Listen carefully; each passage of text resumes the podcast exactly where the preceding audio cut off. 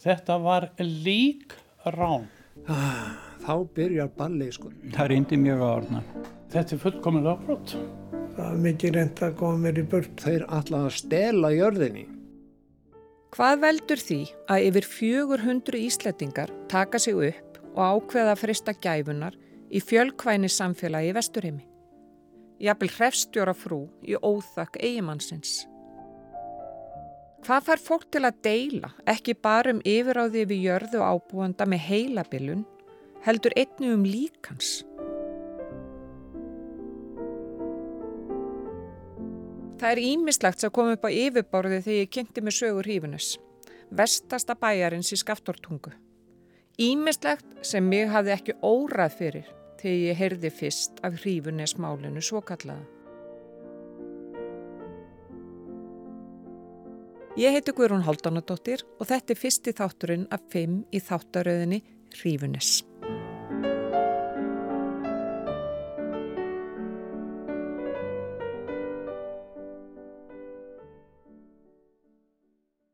Í vetur var mér sögð saga af deilum sem áttu sér stað í Hrífunesi í Skaftatungu á nýjönda áratug síðustu aldar og þetta voru rosalega hatrama deilur þannig að það er enduðu í sko, fjölmjölum og inn í sveitastjórnina þarna fyrir austan og jafnvel inn í stjórnsísluna og dómskerfið. Og það var alls ekki verið að sko, spara stóru orðin í fjölmjölum og annar staðar. Fólk let virkilega heyra í sér. En allavega, forvetni mín var vakinn Þannig að ég fór að lesa mér til um hrífunes í vestu skaftaðusíslu og ég þekkti svo sem alveg hrífunes. Bærin var í alfara leið áður en að hringvegurinn var ferður á þann stað sem er núna fyrir einhverjum 30 árum síðan. Og þarna var sölu skáli og ég manna maður stoppaði þarna oft og tók eldsneiti og, og fekk sér að borða og eitthvað svona áður en var lagt af stað á sandana því að þeir voru meirinn að segja það stundum að fara þarna um. Og Jón Björnsson skrifaði ágættis grein um hvernig ástandi var í hrífunesi eða hvernig bara aðstæður voru í hrífunesi en þessi grein byrtist í morgublaðinu árið 1967. Frá Hrífunissi er útsýn góð yfir Mýrdalsand, þessa uggvænlegu eigðimörk sem oft gatt verið stór hættuleg yfirferðar að vetralægi, jafnvel reyndustu ferðamönnum. Yfir sandin gnæfir Mýrdalsjökull, þar sem kalla leynist undir ísbreyðinni og engin veit nær hún hugsar til hreyfings. Svartur sandurinn stingur mjög í stúf við gróðursælar og kjarri vaksna skaftártungu heiðarnar og gefur þannig skýra mynd af andstæðunum í náttúru Íslands. Jörðin Hrífunes er mjög stóri jörða að þannig séð. Hún er um 2000 hektarar. Jörðin hefur verið í ábúð öldum saman og þarna hafa jafnvel fundist þúsund ára kuml af barni og fullandu fólki og líka skeppnum. Og Kristján Eldjátt sem var forðlega fræðingur og fyrirrændi fórseti Íslands, hann var einn af þeim sem að koma uppgræfturinu þarna og var kannski svona aðal maðurinn í því og það er alveg greinilegt ef maður les greinar sem hann hefur skrifað um þessi kuml að þeim hefur orði vel til vina honum á árna Þórarni Jónssoni sem er einmitt síðasti ábúandin í hrífunessi. En svo sér maður líka að Katla hefur alveg leiki íbúana þarna grátt og ekki síst jökulhlaupin sem hafa fyllt eldgósunum og það eru jafnvel dæmi um að fólk hafi þurft að forða sér á hlaupum undan jökulhlaupinu og átt fótu sínum fjöra launa heldur betur. En það eru svo sem jökulhlaupin sem hafa fyllt köllu, það er að segja jökulhlaup úr Myrdalsjökli, eru með stæstu, ef ekki eru stæstu, jökulhlaup sem hafa orðið á Íslandi. Þegar ég fór að kynna mér þessa sögu, Rífunes, þá var það fljótt sem að ég festist við frásögn af fólki sem átti heimaðaðna fyrir löngu síðan. Fjölskyldunni sem að bjó í Hrífunesi um miðja 19. öld þar að segja rúmum 100 árum áður en sjálft Hrífunesmálið kom til sögunar. Og í rauninni til þess að geta sagt þeirra sögu, þessara fjölskyldu, þá verð ég að byrja því að skoða aðeins sögu mormonatrúar á Íslandi. Á 19. öld þá eru það hvorki meirinni minna en 50 miljón manns sem flytjast yfir hafið til nýja heimsins. Þetta er Kári Bjarnason, forstöðum maður Sapnahús Vesmanja. Og í þessum sæg innflytjanda eru 15.000 Íslendingar, um 20% þjóðarinnar á þeim tíma. En við ætlum ekki að staldra við alla þessa 15.000. Heldur erum við bara staldra við 2,7% af þessu mengi, mengi Íslendingarna. Þetta er ekki nefnum 400 sálir. Það er þrent sem einkennir þessa 400 einstaklinga sem er algjörlega stórkostlegt. Í fyrsta lagi þetta er mjög einsleitur hópur sem fer frá einum stað nánast allur yfir á einn stað í nýja heiminum. Í öðru lagi þá er þetta upp af vesturheimsferða. Í þriðja lagi, og það er það sem hefur dreyið mig hérðan og vestmannjum að örlugum þessar einstaklinga, er þó svo staðrind að um 200 af þessum 400, um helmingur, er frá henni litlu eigu vestmannegar. Þetta er ótrúlegu hluti af íbúum vestmanniða vegna svo þessum tíma samkvæmt prests þjónustu bókum er ekki nefnum 500 einstaklingar búsettir í vestmanniðu. Vissulega er það svo að þessir einstaklingar fyrir 200 vestmanningar, þeir fara ekki allir á nákvæmlega sama degi, að sama tíma. Þeir fara á tímabilinu 1854 til 1914. Ég manna eitt ár er alveg 50-60 manna hópur sem fer í einu og er nú, þá er nú högvið stort skarði í raði vestmanninga. En það merkilega er að, að gegnum þessa miklu brottflutninga þá helst íbúafjöldin í vestmanniðum alltaf svona nánast óbreyttur. Þetta er alltaf í cirka 500 manns og það er alveg sama hvað er klipið af eða þrýfið af þessu mannabla og hann færður hinnum með á nöttin. Það er eiginlega alveg sami fjöldi einstaklinga búsettur í vestmanni. Þetta pláss, þetta bara döga fyrir 500 manns. Eh, þegar einhverjur hafa yfirgefið eigjar þá koma bara aðrir ofan af fastalandinu bara hinum með við Arangávallarsýslu og Skáttafellsýslu og, Árnessýslu og fylla í skarðið. Þannig að staðan er þá þessi þegar við bara einbyttum okkur að þessum 400 einstaklingum þar á 200 frá vestmannegjum þá færum við mörg upphafs vesturheimsferða frá um 1870 sem ennur sem almennt að tala um og niður til 1854 þegar að fyrstu landnemarnir þeir nema land í bandaríkjum.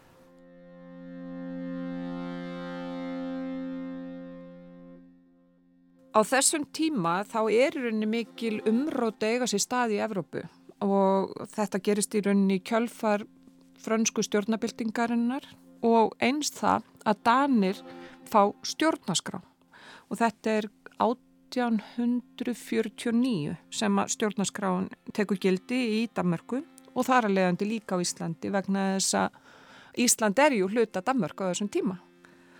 Og það sem er svo merkilegt við þessa stjórnaskrá að þarna er hviði á um trúfrelsi. Þetta er auðvitað algjörlega nýtt. Þessu var endar hafna tveimur árun setna á þjóðþinginu okkar, þjóðfundinum 1851, en það breytir ekki því að laugin voru skýr um það að nú væri komið trú frelsi og það er í anda þessa, uh, þessara hugsunar sem er að festa rætur um Evrópu. Það kemur auðvitað að losa mannskapin þegar að nýja heimur verður til og smám saman flytja sig hvorki meirinn 50 miljónir manna yfir hafið.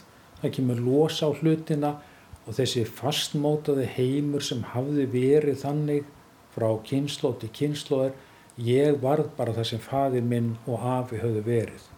Ef þeir voru bændur þá gerðist ég bóndi og tók við, ef þeir voru sjómenn þá varði ég sjómaður. En núna allt ínum komið þessu hugsun, þú getur orðið það sem þú vilt. Og þessi breyting á stjórnaskaranni hafði það í ferð með sér að ímiskona trúarhefingar komu til Danmörkur og kynntu stefnu sína, það er sem sagt trúbóð, annara trúabræða heldur en lútestrúar, varð bara að veruleika. Og þaðan barst trúbóðu til Íslands, íslenski karlmenn sóttu sér mentun í höfuborginni, þar að segja kaupmannahöfn, og þannig kynntust þeir þessu nýju trúabröðum meðal annars mormónum. Það er svo litið um það að einstaklingar eða karlmenn frá eigum fóru til kaupmannafna til þess að læra eitt þeirra hétt Þóraðin Hafliðarsson. Hann fer hérna tvígang, svo kemur hann heim, kvænist konu sem hann er greinlega mjög ástfóngin af sem er auðvitað ágætt og þeim kventist henni, fer síðan aftur til Hafnar og klára sitt nám, verður trésmiður, vinur hann sem að þekki talsvert, hann er þarna Guðmundur Guðmundsson, þeir búa líklega ekki á sama stað en, en greinlega góður og mikill samgangur þarna á milli. Og heimildi þarna út í Júta segja mér að, að Þórarinn kemur að máli við Guðmund síðla árs 1850 þar sem að þeir eru svona komnir á síðasta stig í sínu námi og segja við hann að hann hafi verið á fundi eða kynningu hjá, hjá mormónum og þótt að svolítið merkilegt og vilji fá að með sér. Og það verður nú úr að þeir fara að sækja þessa fundi stíft og þeir, þeir verða báðir mormónskir og það brítur blað ekki bara í trúarsögu Íslands heldur á svo margvíslan hátti allri sögu Íslands á þessum tíma eru menn bara einfalla lúterskir. Það var ekkit annað að ræða. Ég man að ég hef einu sinni séð í svona gamlum prestfjónustu bókum, talað með geðing, en hann hefur vantanlega verið útlendingur sá, var ekki íslendingur. Þarna allt einu að þá gerist að menn verða annarar trúar.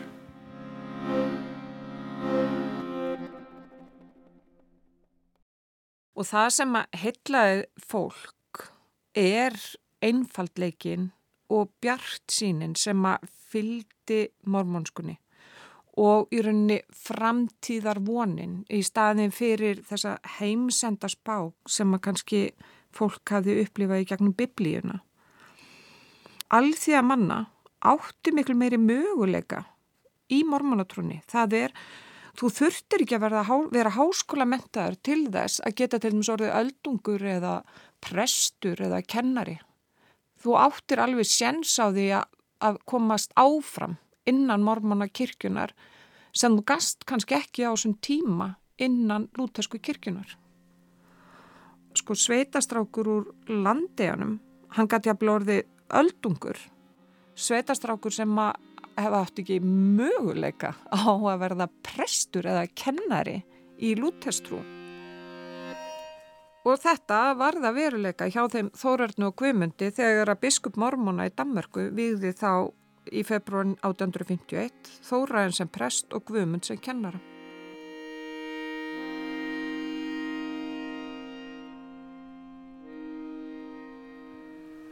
Honum finnst Þóraðin Hafleðarsson honum finnst hann vera afburða glæsilegu maður, afburða yfirvegar, flottu náungi og hann bara gera hann að presta á sveipstundum. Nú bara ert þú, bara þú ert bara prestur. En honum finnst Guðmundi vera svona óáreiðanlegri. Hann er svona upp á niður og hann tekur svakalegar dýfur og hann verður svona eins og bara eldgós allt í einu og hann treystur hann ekki alveg hann gerir hann að kennara og það þýðir að hann hefur vald til þess að kynna mormónskuna en ekki til þess að skýra, gifta, grefta og svo framvegis.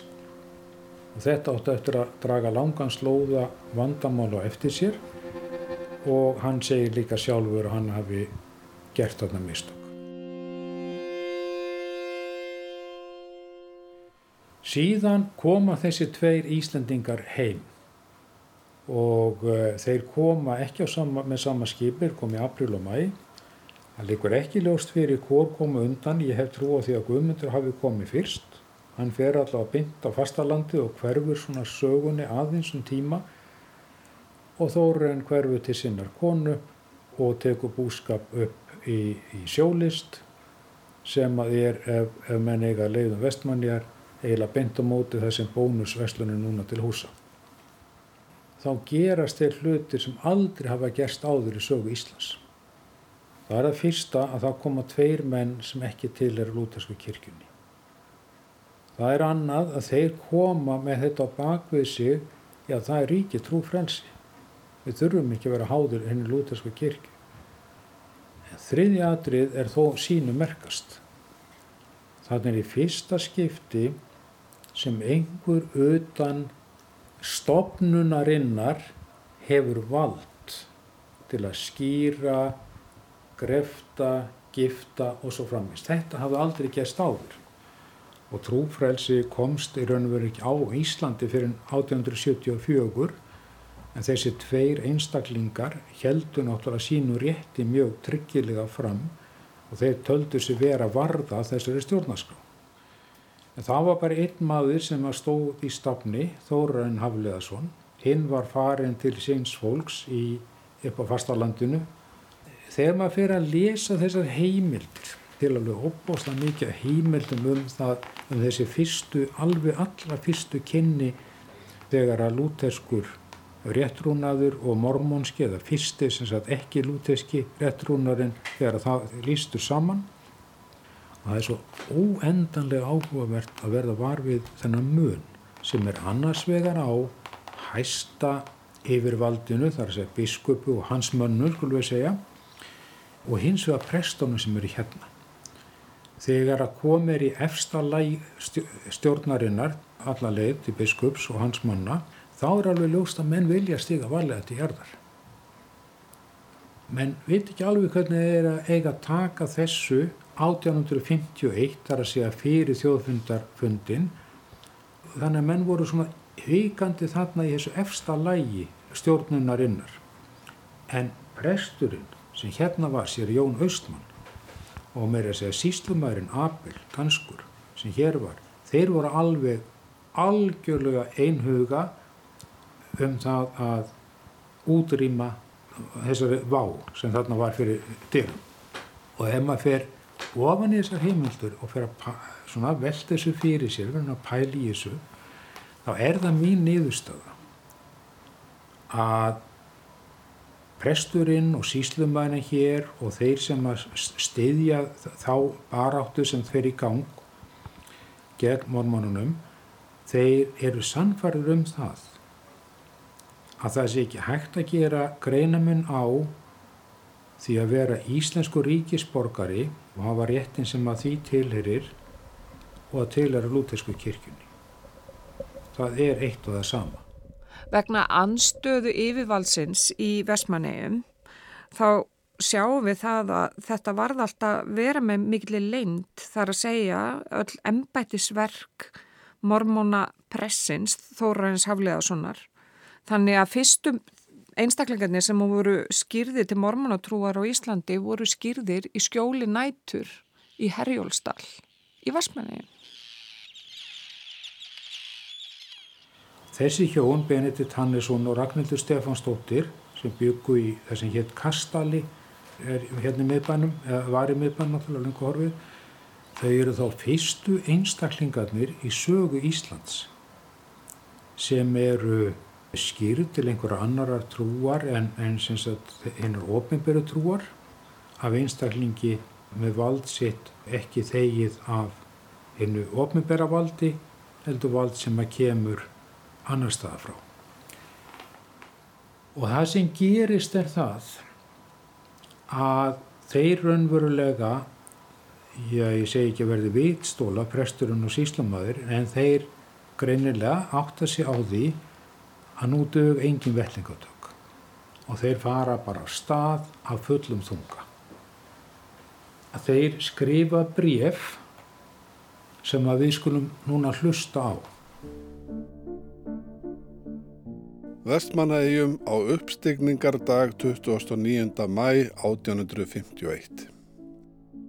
Mitt í þeim reyfingum er reyna að skekja grundvelli kristilegra kirkju hér í Vestmannaegjum hvorum yðar herradómi síslumanni verður ekki tilkynnt sem bæri yðar annaríkis vegna og að því að þessi leki sínir sem fyrst auðsandi er sökva ætlar annars þessum landsparti.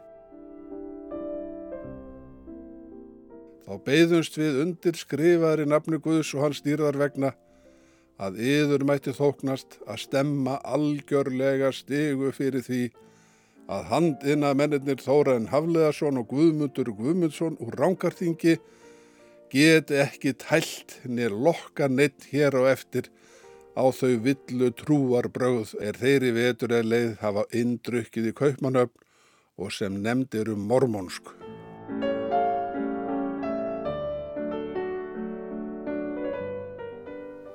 Það er algjörlega auglust á þessu brefa, menn viti ekki alveg sko, hvað er ég að gera, en maður vita bara eitt, þeir var að stoppa þetta algjörlega. Þeir skrifa raunverulega sjálfum sér bref. Þessi tveir einstaklingar höfðuðu hvort annan, en slýruðu sverðin þarna. Og þeir skrifa, sem sagt, presturinn og síslumæðurinn, þeir skrifa síslumæðurinn bref og byggja hann um að hlutast til í málun. Nú, það er ekki alveg nóg að þeir tveir séu bara að skrifa sjálfum sér, Þannig að það sem þeir gera er að þeir ríða meðluhúsa, þeir fara á hvern einasta bæ, þeir tala um hvern einasta vestmanning sem er fermdur og það voru 388 hræður. Og það sem að mér finnst alveg dásamlegt er það að það eru 284 sem skrif undir. Og síðan hefur Abel síslumadur nóterað hjá sér tíu nöfn þeirra sem neituð að skrifa. Og meðal þeirra er, er einstaklingu sem er vel þekktur í vestmanniðum, gamli Jón í Gvendarhúsi af, af læginu og, og ljóðinu segja hans Arnar Arnarssonar. Gamli Jón í Gvendarhúsi gett þar fyrstur inn, Gauji mangi Jón í hlýð, liti og konsul hlýð. Gamli Jón í Gvendarhúsum hann neytaði skrifundir ásett konunni sinni og átt áður en það er hins vegar 94 sem að hafa bara verið utan þjónustu sviðs þarna, eða utan þjónustu e, á þessum tímapunkti. Kannski voru einhver þeirra fiskimenn að veiða, ég veit ekki að þeirra hafa bara hlaupið á fjöll eða ekki að láta ná í sig. Þannig að það er ekki að segja að vestmanningar hafa allir flikst til að skrifa undir en það er augljóslega stór meiri hlutum manna sem skrifur undir, nauðugur ekki nauðugur. En það er tölurveru hópur, þannig að það er bara hundra manns sem að hennilega kemur sér undan því. Þorir ekki þá að segja nei, eins og þessi tíu, það kemur sér undan. Á sexti öyra pottin hértan steinnað væri nóg. Á sexti öyra pottin hértan steinnað væri nóg. En þeir voru ekki að baki dotnir, síslumar og prestur, því að síslumadurinn hann fer upp í þorluga gerði, lemur þar ekkert að dyrum að fyrir miðanótt, rýfur Guðmund úr rúminu, hendir honum í bát, rær með hann yfir, yfir á fastalandið og hendur honum þar í land og segir við hann hann megi aldrei koma aftur bannar hún það. Þetta er klárlega brot á lögum vegna þess að Guðmundur var þarna sjálfs sín ráðandi. Hann var að vinna í, í sínu og var framfleytandi sjálfs sín eins og það er kallað og hann var því í fullum rétti. En vegna þess að hann hefði yfirgefið lúterskuna þá hafði hann líka yfirgefið þennan rétt sem hann hafði sem íslenskur þegn. Það var bara fullkomlega sama sem merki á milli.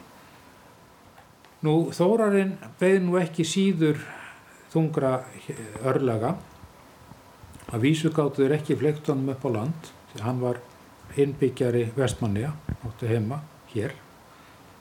Hann var kventur konu og það var þá hans akkilesahall, hans veiki blettur Hún var nefnilega fóstudóttir Seri Jóns Östmann prestsins, annars af aða landstæðingun.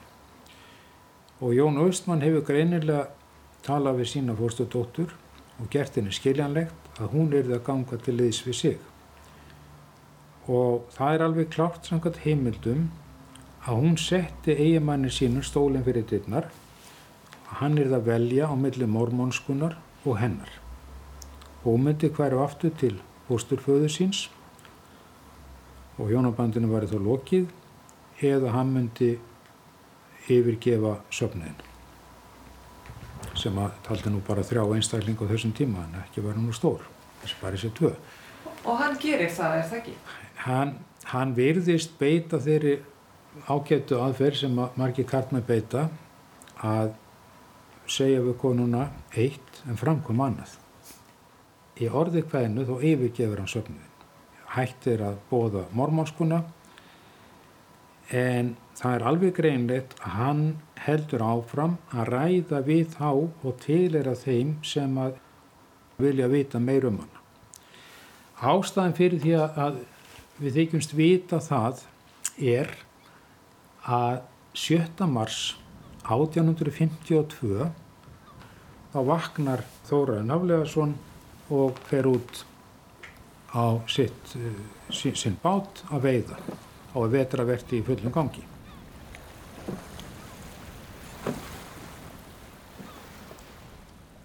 Og um, hann kemur bara einfallega ekki tilbaka. Hann druknar.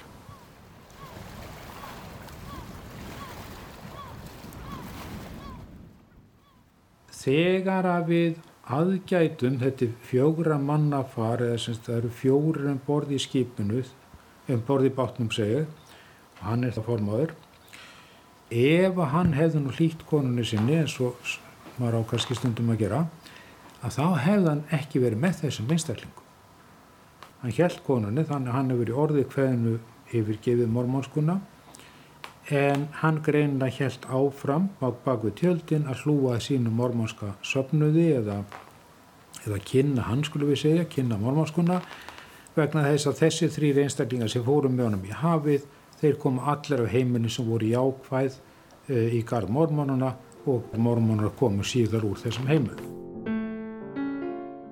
Og eftir að, að Þóraðin deyr þá hægði mjög á starfsemi mormóna á Íslandi en það var Guðmundur ekki prestur, heldur kennari. Það voru í rauninni engin prestverk, það er, það er að segja, það er engin skýrður í allavega rúmlega ár í Vestmanneum en 1853 er danskur mormónaprestur sendu til Íslands og hann kemur til Vestmanneja og skýrir bara alveg töluverðan hóp til mormónsku. Og þessi sopnuður, hann hýttist yfirleitt að næturlægi af svona augljósum ástæðum og hýttist hann þar sem að mormónar stýttan er núna, það er að segja aðna golfvellinum í Vestmanniðum í Herjálfstall í þessum hópi einstaklinga sem gerast mormónar þarna 1853 er Samuel Bjarnason og hans eiginkona Margret Gísladóttir. Þessi hjón á samt vinkonu þeirra og var nú fastalandinu að klasbarða í landegjum, Helgu Jónsdóttur. Þessi þrýr einstaklinga brjóta algjörlega í blað í, í sögu Íslands vegna þess að einhver tímanum vorið eða sömarið 1854 þá segla þau til Kaupmannahafnar og þaðan áfram næsta sömar 1855 til New York. Þaðan lappaðu nú einhverja 2000 kilometra yfir halvbandaríkinn og enda í Salt Lake City 7. september 1855. Og þetta er umvöla dagurinn, 7. september 1855, er umvöla dagurinn sem að vesturheims ferðirnar festa rætur. Þarna eru þrýr Íslendingar komnir til fastrar búsetu í bandaríkjónum.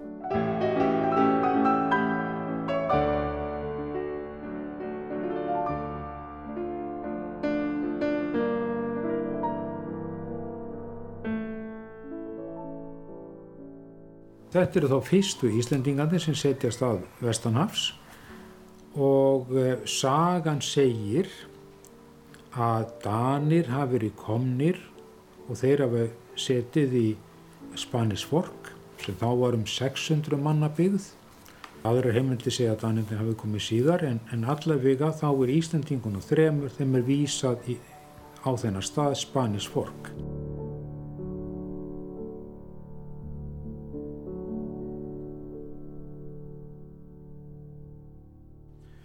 Og síðan gerist það ótrúlega að þeir 400 Íslandingar þar á 200 vestmanningar sem eiga eftir að koma á næstu áratögum þangað til að heimstyrjöldin fyrir lokar alveg fyrir þetta 1914 að þeir setjast allir að þessum nákvæmlega þessum sama punkti, þessum sama stað. Þannig að þú ert að fara frá einum punkti yfir á einn annan bínulítinn punkt.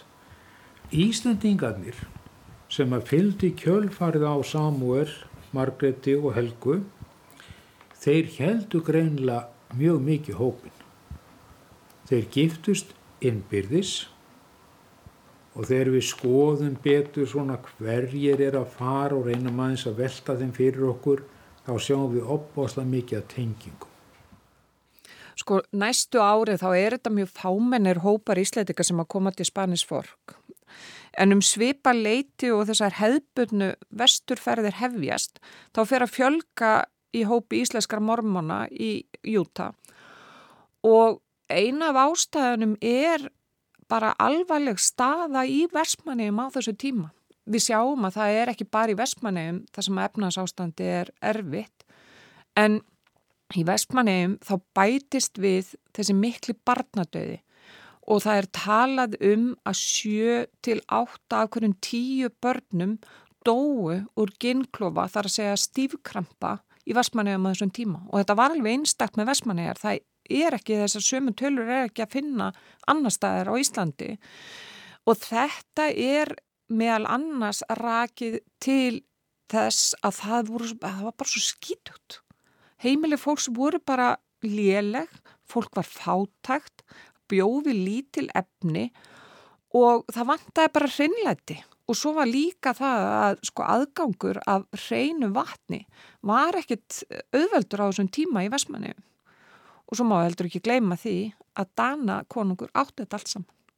Þetta var allt í eigu Danmerkur. Fólki átti ekkit hlutina sjálft. Þannig að það er ekkit skrítið þótt að fólk hafi freysta gæfunar og farið til Júta. 1870 þá fara stóru hópanir að koma. Þannig að fram að 1870 er þetta ekki nema svona kannski 16, já 15 til 20 mann skulum við segja. Fram að 1870 sem eru þessi svona frum herjar. Og hér er komið að tengingunum við Hrífunnes því að Loftur Jónsson, bróðir Guðrunar í Hrífunnesi, er einn af þeim fyrstu sem að tekur mormon og trúa á Íslandi. En hann var einmitt búsettur í Vestmanni. Ef við víkjum að þessum manni, þá getur maður ekki annað en tekið ofan fyrir honum. Hann er einn af máttarstólpum Vestmanniða. Hann er meðhjálparinn sem er þó eitt af æðstu ennbættum ólarðis manns, það er að segja hann er ekki prestur eða síslumadur. Hann er uh, repstjórið hérna og hann er á allan hátt einn af þessum stóru miklu uh, einstaklingum. Hann er líka einstakur formaður greinlega, hann hefur líka ríkum maður. Hann er í kringum 22 ára aldur þennig kemur. Þar er kona Guðrún Hallstóttir hafði mist mannin sín í hafið og hún réði þennan snörpulega og glæsilega mann sem vinnum hann hjá sér. Nefna hvað þau giftast.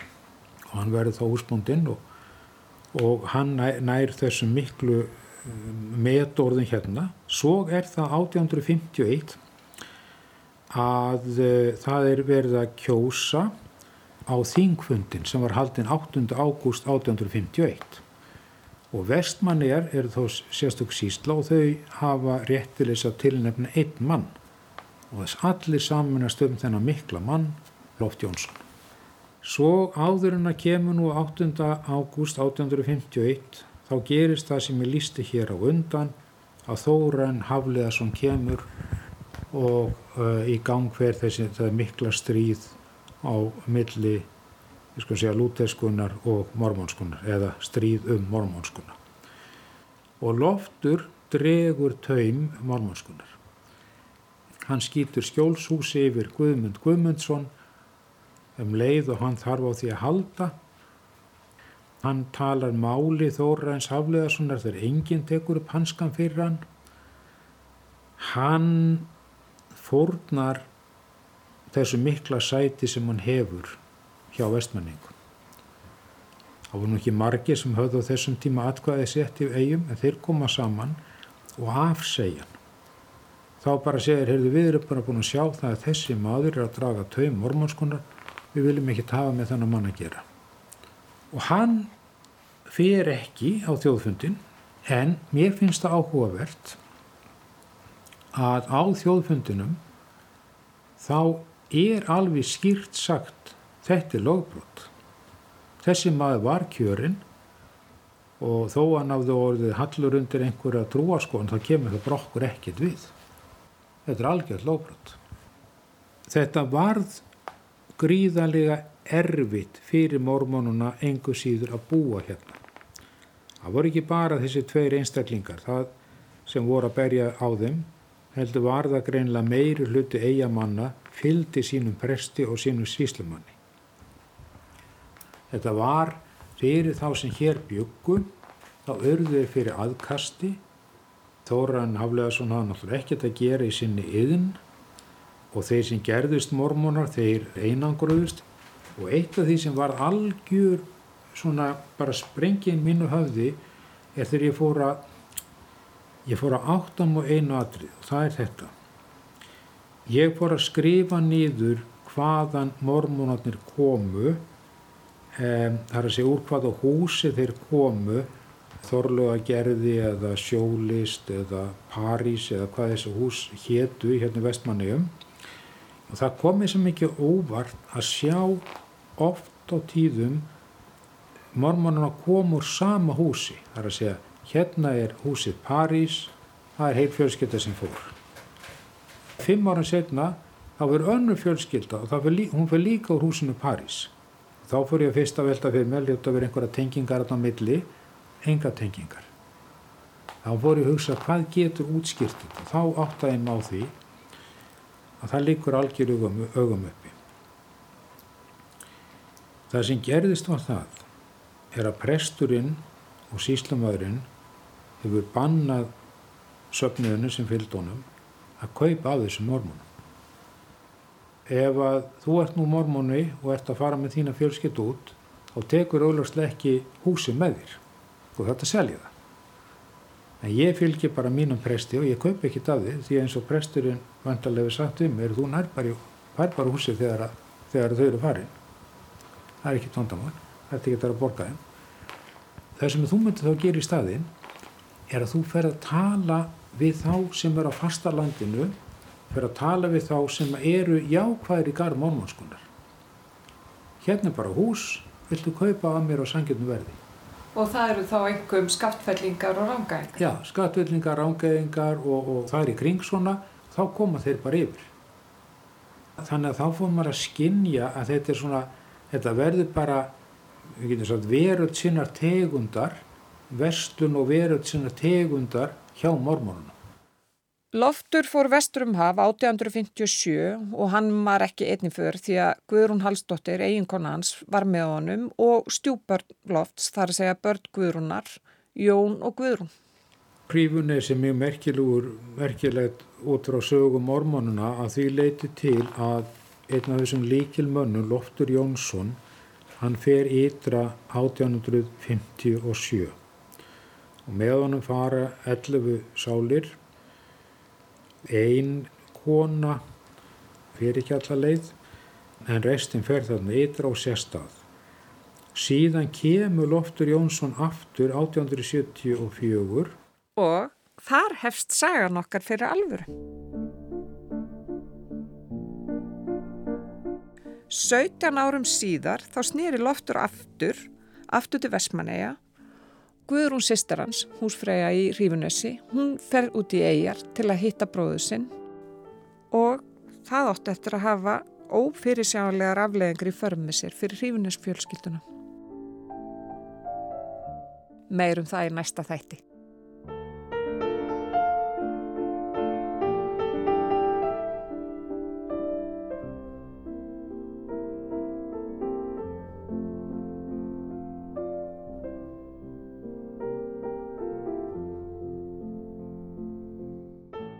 Þáttarauðin Hrífinnes er framleitt af Rás 1. Umsjón og dasgrágerð Guðrún Holdanadóttir, réttstjórn og samsetning Anna Marsipir Klásen, tæknimaður Lítiða Gretastóttir.